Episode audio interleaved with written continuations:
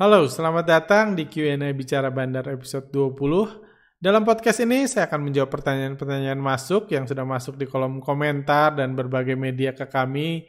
Ada 200 pertanyaan lebih yang masuk ke kami dalam seminggu terakhir yang sampai detik ini belum terjawab. Jadi eh, sebenarnya mungkin Anda sadar harusnya udah ada Bicara Bandar episode 21, cuma karena tim kami sedang sibuk banget se uh, seminggu terakhir ini untuk persiapan terakhir buat launching uh, tools bandar melogi yang kami yang terbaru yang kami modifikasi secara luar biasa melihat adanya banyak perubahan pergerakan bandar. Jadi kami singkat cerita kami sibuk banget nggak sempat buat podcast tapi di sisi lain saya ngelihat ada banyak banget pertanyaan yang bakal semakin menumpuk. Kalau baru weekend nanti saya buat uh, podcast saya nggak enak ketika ada begitu banyak orang yang belajar dan uh, jadi saya menyempatkan waktu untuk uh, milih pertanyaan-pertanyaan yang edukatif di sini, pertanyaan yang masuk untuk uh, buat part 3 ini. Uh, dalam podcast ini saya akan bicara tentang uh, ada banyak pertanyaan tentang Bandar Bakri Group yang lagi manggung, ada pertanyaan tentang technical analysis dan uh, banyak lagi pertanyaan-pertanyaan yang sudah masuk. Mudah-mudahan saya bisa jawab sebanyak mungkin. Oke, okay, mari kita mulai. Oke, okay, uh, di sini ada pertanyaan uh, dari uh, uh, Q&A sebelumnya yang belum terjawab. Pertanyaan terakhir, bukankah grafik TA, candle, MACD, stokastik merupakan gambar dari pergerakan bandar juga sehingga masih relevan dan bisa dikatakan uh, tidak heran jika penganut TA win rate-nya cukup tinggi. Uh, memang benar bandar itu bebas, tapi bukankah jika bandar seenaknya mengatur harga saham uh, hingga keluar jalur TA maka belum tentu akan dapat mangsa ibarat candlestick itu eh, jalanan aspal dan bandar nggak mungkin jalan di luar aspal memungkinkan tapi untuk apa? Namun suka-suka dia kan mau jalan ke kanan atau ke kiri. Terima kasih. Uh, oke okay, pertanyaannya menarik. Jadi pertama technical analysis adalah bukan saya nggak setuju aspal. Ini jejak yang ditinggalkan di pasir kalau bandar mau naikin harga, jejaknya pasti ada. Karena dia cuma nyatet harga kan, cuma dokumentasi. Dokumentasi, misalnya dokumentasi terjadinya kejahatan. Ya cuma foto. Foto nggak bisa mencegah kejahatan, nggak bisa menyebak, menjebak kejahatan, tapi bisa merecord kejahatan. Kayak gitu. Begitu juga dengan saham. Saya nggak setuju te technical analysis itu sebagai aspal. Seakan-akan ada aspal di depan yang perlu diikuti bandar. Karena Anda boleh tanya ke OJK, sampai detik ini belum ada peraturan yang memerintahkan bandar. Misalnya bandar diperintahkan setiap uh, harga saham uh, ada di supportnya atau menyentuh MA50-nya, ada kewajiban konstitusional yang mengharuskan bandar menaikkan harga tersebut. Yang enggak ketika nyentuh MA50 bandar boleh nurunin, boleh naikin. Bebas. Kalau nurunin, wah berarti MA50-nya itu jadi resisten. Kalau nurunin. Kalau naikin, wah berarti mantul di MA50. Kalau udah nurunin dari MA50, bisa ada MA100. MA100 kita tunggu lagi di MA100. Apakah mantulnya harus di MA100? Nggak harus. Bisa baru MA75, mantul. Pas emang 75 mantul, nanti technical analis nentuin, oh pasnya mantulnya di 75. Jadi ini hanya komentari terhadap apa yang dilakukan bandar, dokumentasi. Bandar nggak diharuskan mengikuti itu. Jadi eh, bandar ini, dan jangan lupa technical analysis itu ah, banyak banget. Bahkan bisa dibilang itu itu apa ya, uh, uh, itu feeling analysis sebenarnya lebih tepatnya. Anda kalau kalau udah pengen beli saham, Anda cari indikatornya supaya Anda bisa beli. Kayak gitu. Anda cari garis supportnya, cari indikatornya, dan lain-lain. Kan indikatornya banyak. Support pun bebas. Nariknya gimana pun bebas kan. Jadi Anda bisa buat support, ya kalau mantul ya sebut aja resisten. Nggak masalah gitu. Nggak masalah, nggak ada ininya. Nggak ada risetnya. Kalau nanti narik garis support ke sini ke sini itu 30% lebih untung daripada narik garis support ke sini ke sini. Enggak itu menggambar bebas. Menggambar bebas semua punya kebebasan dan tapi tentunya ketika naik dia akan bilang naik kan? Kayak gitu. Jadi saya nggak setuju gambar itu aspal. Kalau dibilang uh, yes bandar mungkin sengaja dibuat kayak go, kayak golden cross MACD-nya kalau MACD golden cross setelah Golden Cross malah diguyur. Jadi bandar belajar TA buat nipu TA. Yes, memang kalau kalau retail TA-nya sama semua, bandar akan melakukan itu.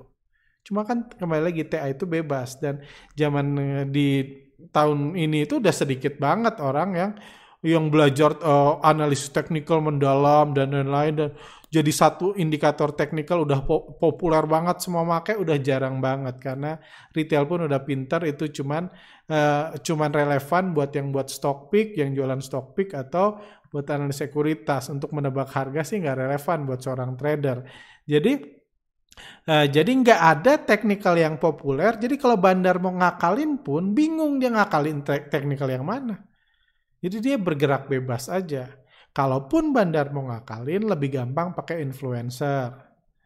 Daripada ngejebak dipas-pasin supaya golden cross baru diguyur, mendingan suruh influencer rekomendasikan. Rekomendasi berbayar lah, atau apa yang lebih real. Kalaupun mereka nggak pakai itu, mereka tinggal lihat bitnya tebal di mana nih anggaplah tebet ya, jadi dia nggak usah ngelihat ke candlestick ini support atau resisten ya. Kira-kira di titik ini lebih banyak yang mikir golden cross MACD-nya atau dead cross stokastiknya kan nggak habis-habis kayak gitu. Mendingan dia lihat aja wah di sini bitnya tebal hajar. Selesai.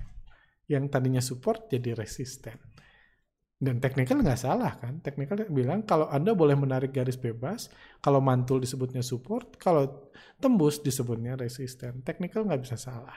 Jadi kalau menurut saya seperti itu tentang jejak anda nggak bisa menebak uh, jejak ke uh, ke mana mobil bergerak dengan melihat jejak ke belakang. Karena supir pun nggak ngeliat ke belakang kan? Wah gue udah gue udah belok tujuh kali ke kanan tiga kali ke kiri wah berarti gue setelah mempelajari jejak gue harus belok ke kiri kan? Enggak dia bergerak sesuai tujuannya untuk merealisasikan keuntungannya.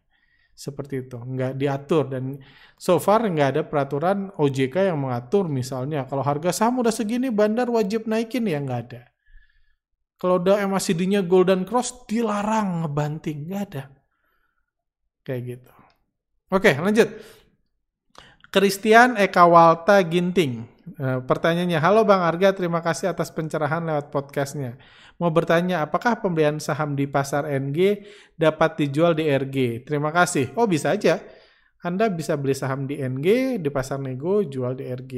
Oh, Pak Lokeng Hong ngeborong di pasar nego, dia bisa dijual di pasar reguler. Itu bebas. Uh, seperti itu, jadi kalau dia bukan bagian dari bandar BMTR misalnya. Cuman kan kenyataannya beda. Oh ya nanti saya mau tunjukin data kalau oh ya uh, takut nggak sempat ya saya saya belum ini uh, karena nggak ada waktu buat podcast saya coba lihat di mana ya. Oh ya ini uh, jadi uh, ini bukan oh bukan sebentar. Uh, hmm.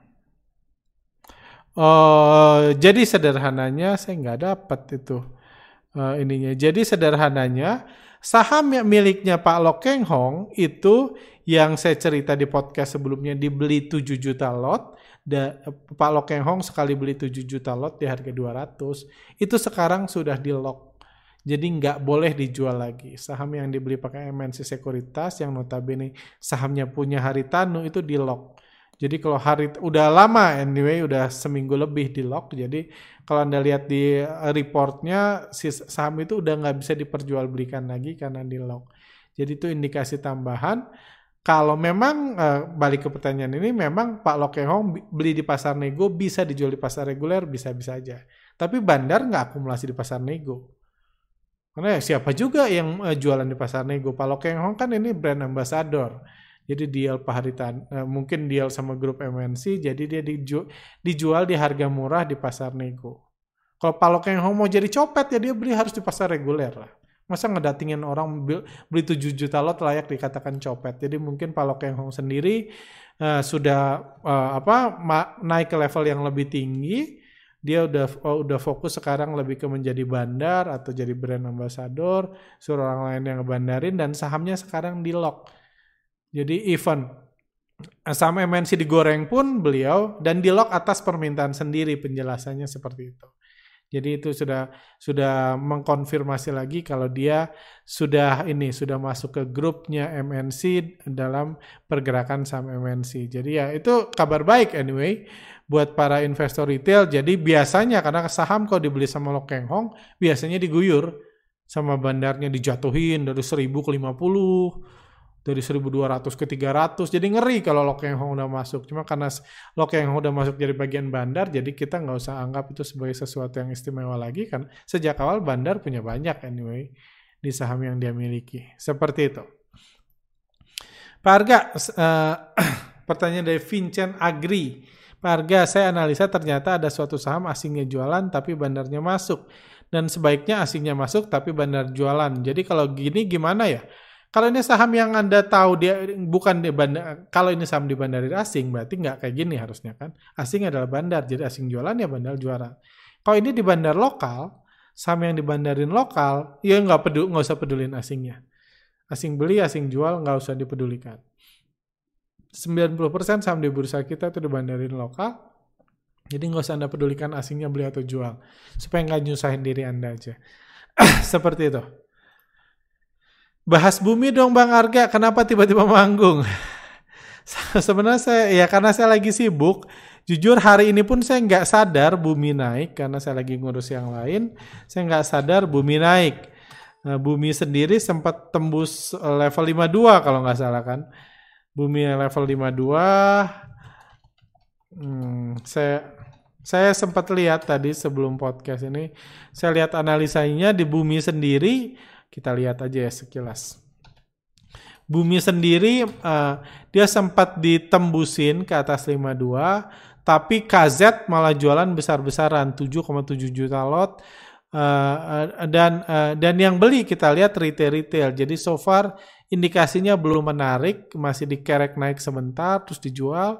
YP masih beli, PD masih beli, NI, CC, OD, broker-broker retail, korban-korban terus beli bumi. Sementara saham yang UNSP gitu, yang naik banyak kita bandingkan ini auto reject UNSP, kita lihat BQ yang paling banyak beli, CP yang beli gitu. Jadi bukan broker retail kayak tadi kan, kayak Bumi misalnya. Bumi YP paling beli 1,1 juta lot 900 sementara UNSP eh, ada NI memang beli tapi cuma 9.000 lot dibanding BQ yang 67.000 lot. Udah itu ada IN, CCDR. Jadi saham yang beli dibelinya banyak sama retail tentunya akan lebih berat naik. Saya sendiri belum cari tahu dan yang, kenal saya atau sering dengar saya ngomong tahu saya nggak mau beli saham Bakri.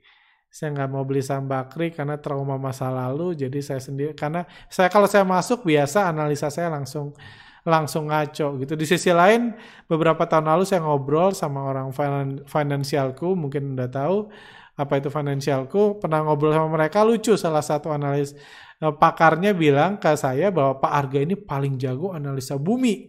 Saya sendiri ngomong itu oh masa sih? Saya bilang saya sendiri udah nggak beli bumi. Gitu saya cuma analisa doang. Kayak gitu. Cuma so far saya lihat di bumi masih distribusi dan menarik juga poin yang menarik di sini adalah Uh, untuk buat uh, UNSP atau reject atas transaksinya cuma 3,2 M. Sementara bumi hari ini transaksinya 69M.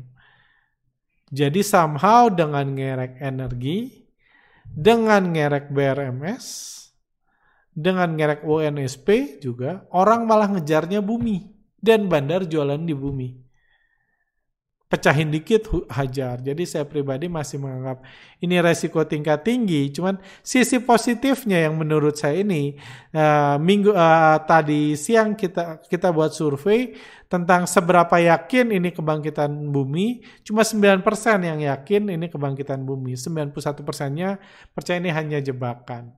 Cuma satu sisi lagi yang menarik dari saham 50 adalah saham 50 kalau bandarnya mau jualan pun Anggaplah pesannya udah 50. Kalau bandar mau uh, perusahaannya mau bangkrut, kalau bandar masih punya banyak barang, harga sahamnya masih dinaikin lagi. Harga sahamnya perlu dinaikin karena di 50 siapa juga yang mau beli kan? Kalau di 50. Jadi itu sisi menarik dari saham 50. Jadi salah satu yang sering saya bilang trading untung. Kalau untung itu salah satunya strateginya beli saham 50. Kayak gitu. Jadi Uh, saya pribadi belum melihat ada akumulasi di bumi, agak panjang kalau saya analisa. Di energi juga belum, seingat saya UNSP masih oke okay, naiknya.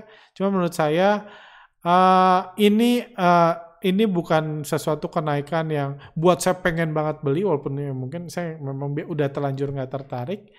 Cuma saya masih melihat peluang lebih menarik risk and rewardnya ya risk and rewardnya masih lebih banyak menarik di saham gorengan-gorengan yang baru naik juga beberapa waktu ini saham-saham gorengan reksadana bermasalah tahun 2019 daripada di Bakri Group kalau buat saya. Seperti itu, mungkin pandangan saya sekilas bumi, mungkin di podcast weekend saya akan meluangkan waktu buat analisa lebih dalam, mungkin saya bisa share lebih banyak tentang saham Bakri Group, kita tunggu aja dua hari ke depan pergerakannya seperti apa. Uh, lanjut, Bang, saya trading saham, tapi karena sibuk kerja, jadi tidak punya waktu untuk ngamatin market. Selama ini saya ikut grup-grup premium, tapi ujung-ujungnya malah nyangkut di mana-mana. Uh, bisa minta tips cara pilih grup premium yang rekomendasinya bagus. Kalau CT punya grup premium lebih bagus lagi. Oh, kalau kami pastinya nggak punya grup premium karena di mana-mana selalu saya katakan saya nggak percaya uh, ini, saya nggak percaya orang di sektor mana pun bisa sukses hanya dengan diperintah-perintah di WA. Beli ini, jual ini, targetnya segini ya, kayak gitu. Tiba-tiba Anda jadi kaya raya, saya nggak percaya itu.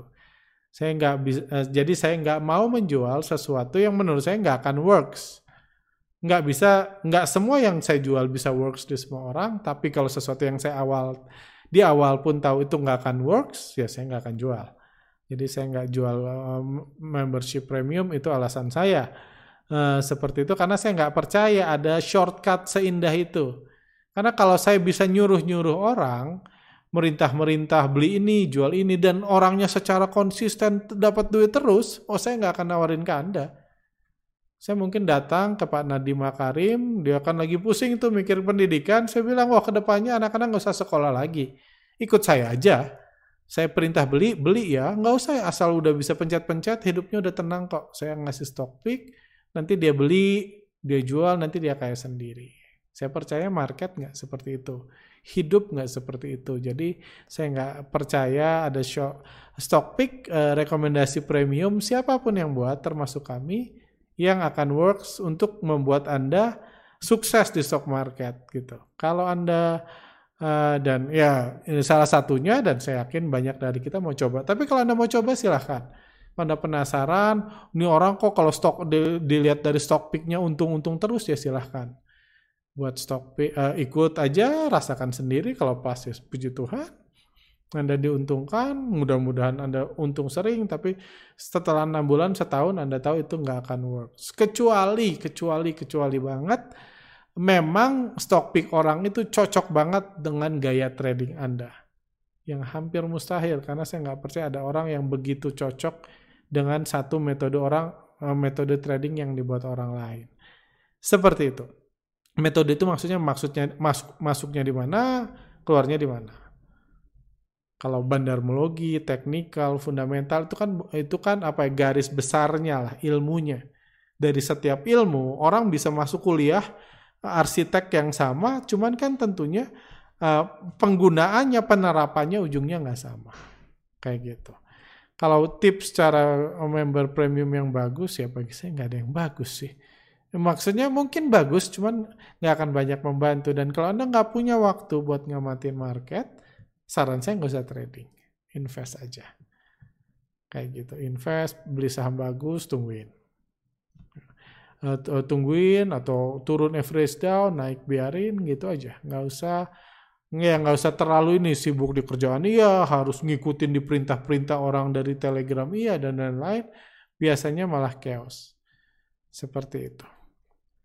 Kalau ya nggak harus trading nggak harus ngamatin market setiap hari.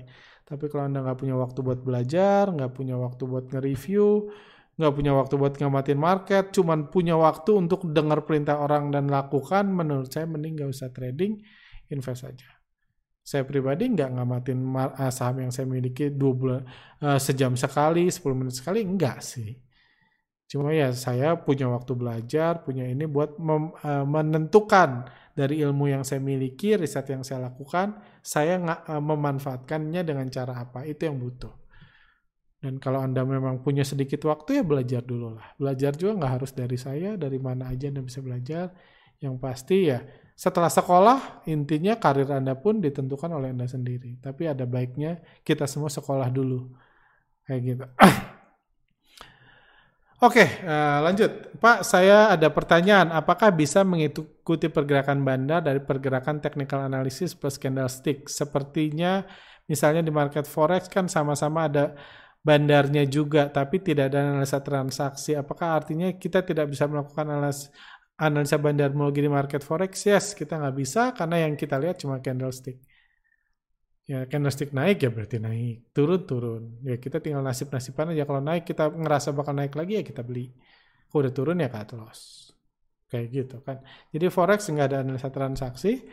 Uh, bagaimana misal fitur-fitur pendukung analisa bandarmologi itu ditutup oleh kebijakan pemerintah? Apakah Pak Arga akan berhenti trading atau akan kembali ke analisa teknikal dan analisa fundamental teknikal sih nggak mungkin Uh, kalau ditutup saya pernah cerita, mungkin saya kalau memang kita nggak bisa lagi analisa bandarmologi karena broker summary ditutup, foreign flow ditutup dan semua ditutup, jadi kita nggak punya akses lagi di situ.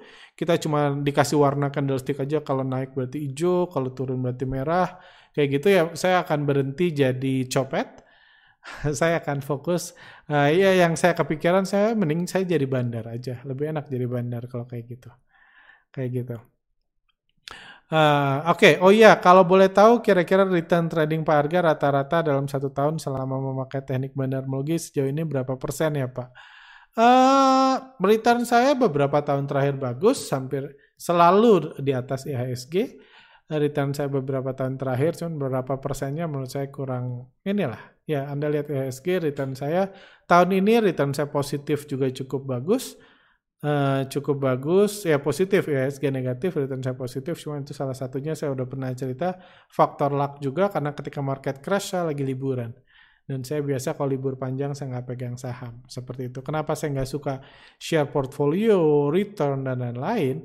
Karena menurut saya karena saya jualan sih tepatnya. Karena saya jualan karena saya ada seminar yang saya jual kalau saya bilang misalnya return saya tahun 2020 ini 73 persen, saya tunjukin screen cap-nya dan lain-lain 73 persen. Kayak gitu. Buat screen cap gampang loh, kayak gitu. Saya bisa tunjukin itu. Uh, tapi Anda yang mau ikut seminar saya akan berekspektasi, wah kalau saya ikut seminar Pak Arga, returnnya 73%. Padahal nggak seperti itu itu simply return saya, rezeki saya.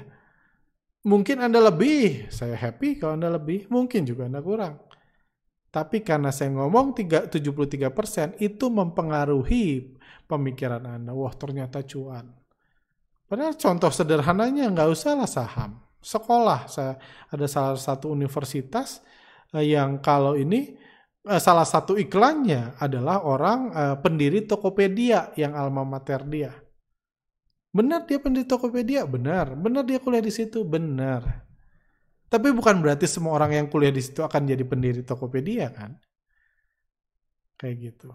Jadi menurut saya itu akan memberikan image palsu tentang ini. Yang pasti yang saya tahu, uh, yang ikut workshop saya ada yang sukses, ada bahkan nikah, uh, anaknya nikah saya diundang Udah macam-macam lah gitu. Ada juga yang nggak pernah kontak lagi ke saya, mungkin ada yang jadi haters, ya saya nggak tahu. Cuma saya lakukan yang the best, kami riset yang terbaik, kami ajarkan sebisa kita, dan untuk saya itu works, dan untuk banyak orang itu works. At least dari testimoni yang saya dengar. Berapa persennya saya rasa semua orang akan beda. Kayak gitu. Karena satu eh, contoh satu lagi, oh, udah mau habis waktunya di sini. Saya nanti panjang ini. Contoh satu lagi, pernah ada satu workshop pada workshop itu ada contoh kasus. Di situ kita menemukan ada beberapa saham yang diakumulasi bandar. Lagi diakumulasi contoh kasus. Ada beberapa saham, anggaplah ada dua saham. Ada satu orang sama-sama diakumulasi pada saat itu. Ada satu orang beli, saya lupa di harga berapa, anggaplah beli harga 2000 diakumulasi, terus nggak sampai 10% dia udah profit taking Dan bandarnya pun udah profit taking juga. Dia nggak sampai 10%, beli di 2000 udah ini. Ada satu lagi saham yang dibahas, diakumulasi juga. Waktu itu kalau nggak salah harga sahamnya 600-an. Ada yang lain, alumni lain yang beli. Alumni lain yang beli saham yang diakumulasi itu. Dan setelah dia beli, dia terus dibawa terbang dan bandarnya terus akumulasi sampai 3 ribuan. Satu beli di 600, jual di 3 ribu. Satu beli di 2000, anggaplah jual di 2200. Sama-sama diakumulasi bandar? Sama. Di detik itu pun saya nggak tahu yang ini lebih bagus. Kalau saya tahu yang 300 itu, 600 itu mau dibawa bandar ke 3000 ya semua alumni saya suruh beli itu. Saya kan saya nggak tahu. Saya hanya tahu bandarnya sama-sama lagi akumulasi. Jadi yang menentukan apakah yang milih 500 itu sama lebih pintar daripada yang milih 2000 enggak juga menurut saya. Dapat ilmu yang sama, sama-sama belajar, cuman lebih luck aja. Lebih beruntung aja. Karena kadang-kadang saya juga beruntung beli saham udah itu bandarnya terus akumulasi dan terus naik. Bahkan di workshop Bandar Mogi saya bilang itu luck aja sih. Itu keberuntungan. Tapi salah satu kunci kesuksesan adalah kita siap-siap ketika keberuntungan datang. Jadi luck itu opportunity yang ini preparation yang disambut dengan preparation kita ada prepare. Jadi tugas saya adalah memprepare Anda. Bukan saya yang naikin harganya. Kayak gitu. Oke. Okay. Saya jawab uh, satu dua pertanyaan lagi masih banyak banget. Sorry saya kelamaan. Uh, Oke okay deh, uh, ini oke okay, itu udah. Pak Arga mau tanya, apakah hal yang menyebabkan bandar bisa cut loss, Pak? Apakah bandar level asing juga bisa cut loss? Bandar cut loss bisa aja. Yang paling sering saya udah beberapa kali bahas yaitu perusahaannya mau bubar dia bisa ngebandarin perusahaan baik-baik, bagus-bagus, tiba-tiba karena perubahan zaman bisnisnya berhenti dan mau ini. Dia bisa udah terakhir tiga tahun lagi akumulasi di 300. Sekarang harganya udah 200, tapi dipikir-pikir ini eh, enam bulan lagi mungkin udah disuspend, jadi mereka jualan setengah mati, digoreng setengah mati, mungkin nggak dijual di atas harga uh, beli dia dijual tapi dia terpaksa keluar. Asing pernah cut loss pernah. Salah satunya yang sering saya bahas di workshop foreign flow itu di saham Aisa beberapa bulan sebelum dia sebulan kalau nggak salah sebelum dia gerebek waktu itu kami bahas di channel Telegram kami asingnya cut loss gila-gilaan. Seminggu kemudian digerebek udah itu ini kan kita tahu lah ceritanya di suspend 2 tahun dan sekarang masih turun. Di kalau nggak salah di asing cut lossnya di 2000-an gitu. Sekarang udah 100 ya Aisa. Seperti itu. Waduh, ini panjang. Uh, Oke, okay, uh, saya skip dulu. Nah, ini saya simpan aja. Waduh, ini panjang juga. Uh, ini lebih pendek. Uh, Bang Arga, sebelum uh, sebelum jelasin kalau nyopet nggak bisa banyak-banyak, artinya kalau modalnya sudah sebesar Bang Arga, bakal semakin susah untuk nyopet kan Bang? Kalau ke depannya portfolio Bang Arga semakin besar, amin. Eh, berarti sudah tidak bisa lagi pakai bandarmologi dong. Boleh cerita ketika itu terjadi Bang Arga bakal ngapain? Ini sama. Oh ini beda sudut pandang. Uh, sat, uh, satu lagi, kalau boleh nama Bang Arga kan sudah terkenal di dunia perbandaran. Apa bandar nggak akan uh, marah kalau dia lihat ada nama Bang Arga masuk di list pemegang saham mereka? Semoga dijawab. Oh, bagus banget pertanyaannya. Uh, oh ya, uh, saya kemarin ada lihat juga yang kasar bandar copet apa ya? Mana ya? Uh, nanti saya jawab itu. Waduh, sudah. Nah ini, nah ini karena mirip. Uh, Pak Arga istilah copet konotasinya negatif ya, seolah-olah kalau retail profit taking itu tidak sah. Apa ada pilihan kata yang lain netral seperti pemulung misalnya atau apa ya? What do you think? Salam. Lucu, orang tua saya nggak uh, kebetulan orang tua saya di Inggris suka uh, nonton podcast dan dia nasihatin saya yang sama. Saya cuma mengatakan apa ya? Saya ngerasa di sini sebagai edukator dan saya mencoba menggambarkan dengan cara semaksimal mungkin supaya semudah mungkin dimengerti. Eh, fungsi dan apa yang dilakukan investor retail somehow kata yang keluar itu copet Nah, copet atau contohnya salah satu yang saya bilang orang-orang yang suka memprediksi masa depan, besok naik, besok turun, segala macam. Wah, ini bakal naik segini nih atau tanggal 17 November 2032 harga Astra bakal naik itu saya bilang dukun. Yang naikin bukan dia, yang naikin bandar, tapi dia yang memprediksi itu dukun. Saya nggak bilang jadi dukun itu salah. Ya silahkan dong. Saya juga boleh kan, saya pernah memprediksi. Misalnya tanggal 21 Januari 2037, Astra naik. Ya itu saya ini.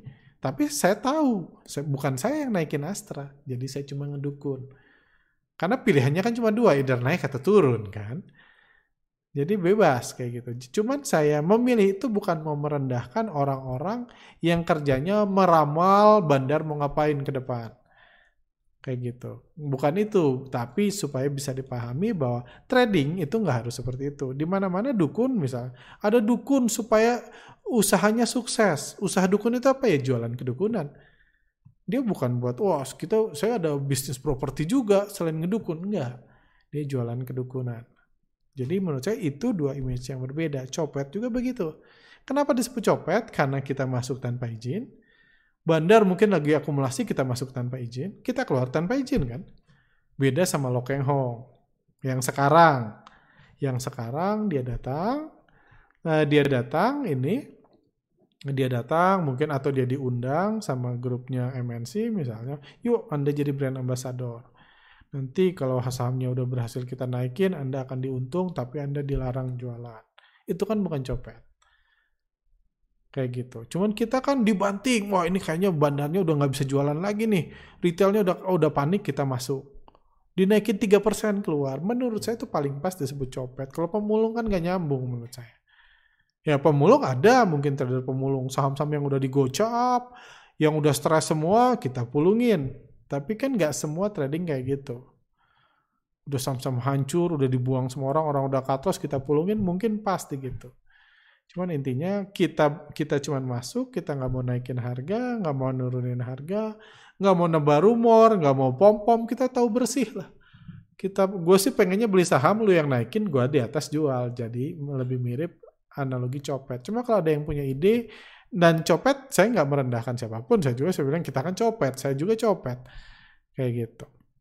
Oke, satu pertanyaan lagi yang tadi dibilang kalau nyopet nggak bisa banyak-banyak, artinya kalau modalnya sudah besar, Bang Arga bakal semakin susah untuk nyopet kan Bang? Uh, ya amin, modal saya sudah besar. Uh, uh, Oke, okay. ya benar nyopet nggak bisa banyak-banyak. Saya pernah jelaskan juga itu sebabnya. Uh, itu sebabnya saya fokusnya saya uh, uh, untuk screening saham yang pertama adalah um, uh, transaksi. Jadi saham boleh sebagus apa pun fundamentalnya, semurah apa pun pernya atau apa pun itu, tapi kalau nggak liquid saya nggak beli.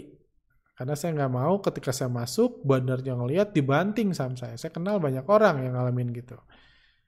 Dibanting tunggu keluar. Kalau saya kayak Lokeng Hong ya sabar-sabaran. Saya tunggu 10 tahun. Bandarnya lama-lama murka. Cuma saya nggak mau trading seperti itu. Bukan saya bilang itu nggak works. Juru, sultan panjang sabar cuma saya nggak mau. Kayak gitu.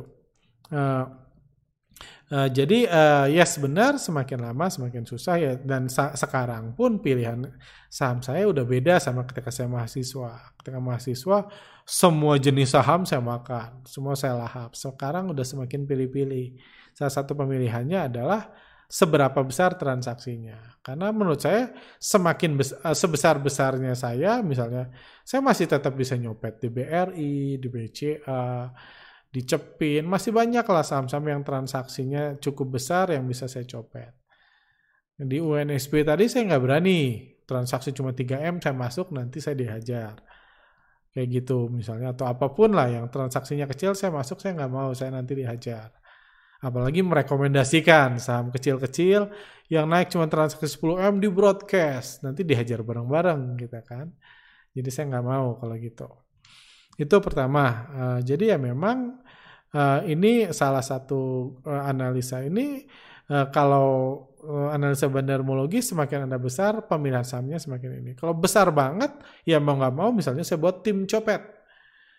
Dona misalnya 200 M saya bagi jadi 30 copet terlatih yang nyopet di nyari 600 saham di Indonesia yuk kita fokus copet gitu. Jadi jual uh, asos uh, buat asosiasi copet gitu kan. Jadi nggak bisa nyopet di satu saham mungkin ke 200 miliar. Kayak gitu nggak bisa nyopet di satu saham dipecah ke banyak saham. Kayak gitu itu pilihan lainnya. Kalau ke depannya portfolio Pak eh, Bang Arga semakin besar, berarti sudah tidak bisa lagi pakai bandarmologi ya. Tadi solusinya seperti itu. Boleh cerita ketika itu terjadi Bang Arga bakal ngapain? berat ya pertanyaannya. Uh, saya ngapain?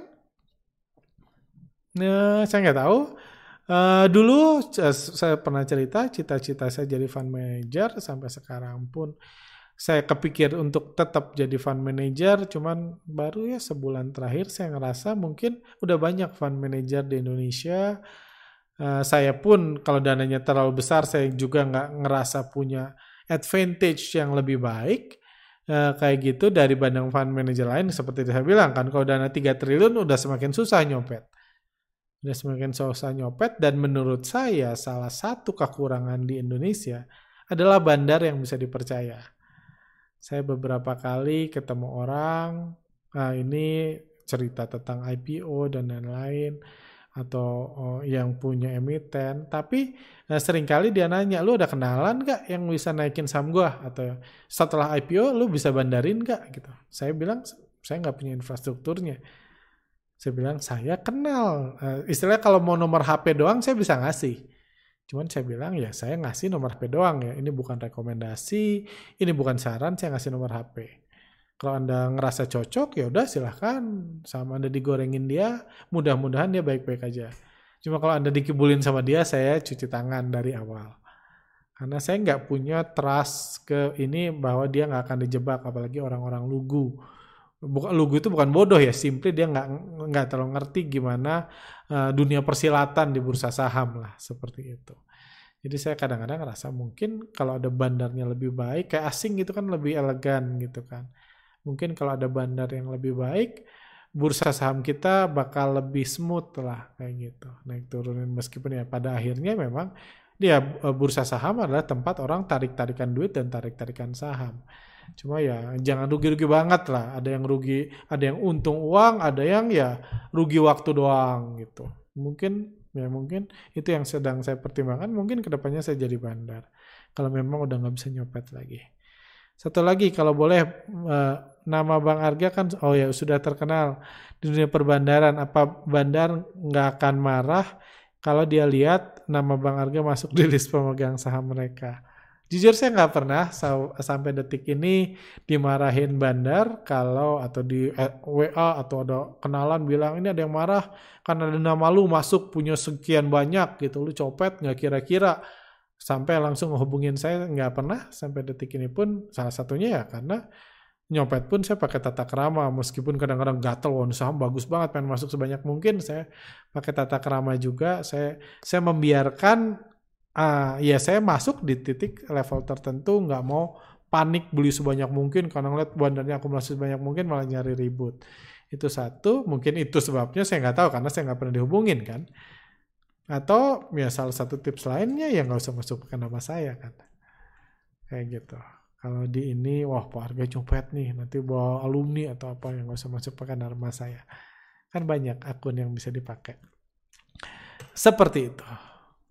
Terakhir deh mungkin Pak Arga semisal portfolio kita cashnya 10 juta bagaimana bagusnya investasi atau trading? Dan kira-kira apakah harus bagus kalau portfolionya buat setengah invest satu saham dan beberapa persen portfolionya buat trading saya nggak tahu tujuannya apa dari Pak Rafri Hafiz ini apakah tujuannya untuk punya uang sekian di masa datang atau punya opsi investasi opsi kerja, opsi income, dan lain-lain saya nggak tahu. Jadi saya nggak bisa jawab tanpa punya informasi lebih banyak. Cashnya 10 juta. Cuman, uh, apa ya, yang mungkin saya bisa share adalah, karena kalau saya lihat mukanya kelihatan masih muda, kalau Anda masih muda, masih umur 20-an gitu, masih banyak waktu. Anda kan Anda nggak harus jadi kayak Warren Buffett kan, invest di 16-an baru sukses. Kalau Anda menghabiskan waktu umur 20 Anda untuk trading sebisa Anda, anggaplah Anda nggak punya tuntutan punya uang sekian di tahun sekian. Simply Anda punyanya 10 juta, Anda pengen mengembangkan. Saran saya, 10 jutanya itu ya mungkin 2-3 juta Anda kalau ngerasa, wah ini BCA murah, saya mau beli terus, simpan silahkan. Tapi sebagian besarnya Anda trading, goalnya bukan hanya buat cari income, cari profit, tapi buat belajar. Karena sering kali orang yang nggak punya knowledge trading akan kepicu untuk trading padahal niatnya invest. Merasa, wah ini naik 7%, ini naik 11%, sementara saham saya nggak naik-naik, hilanglah tujuannya, jadi malah trading. Tapi di sisi lain banyak orang yang setelah trading ngerasa gua nggak cocok trading. Gua nggak punya waktu, gua nggak punya mental dan lain-lain, jadinya invest. Orang yang invest dengan knowledge dia nggak cocok trading, biasanya udah punya knowledge, udah punya uh, tahu resikonya, jadi dia lebih sukses invest. Kayak gitu. Tapi itu udah dasar knowledge, nggak hanya nyoba-nyoba doang. Kayak gitu. Jadi saran saya seperti itu, kalau Anda masih muda, pakailah mayoritas buat trading. Syukur-syukur untung, uh, syukur-syukur untung, syukur-syukur dapat knowledge, dapat pengalaman.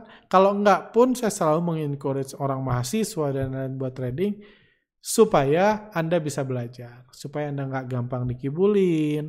Nanti Anda datang tiba-tiba, wah eh, investasi saya returnnya 20% setahun. Itu Anda kalau tahu trading, tahu susahnya trading, Anda akan uh, nggak akan percaya orang oh sorry ngasih return misalnya 15% sebulan, Anda nggak akan percaya.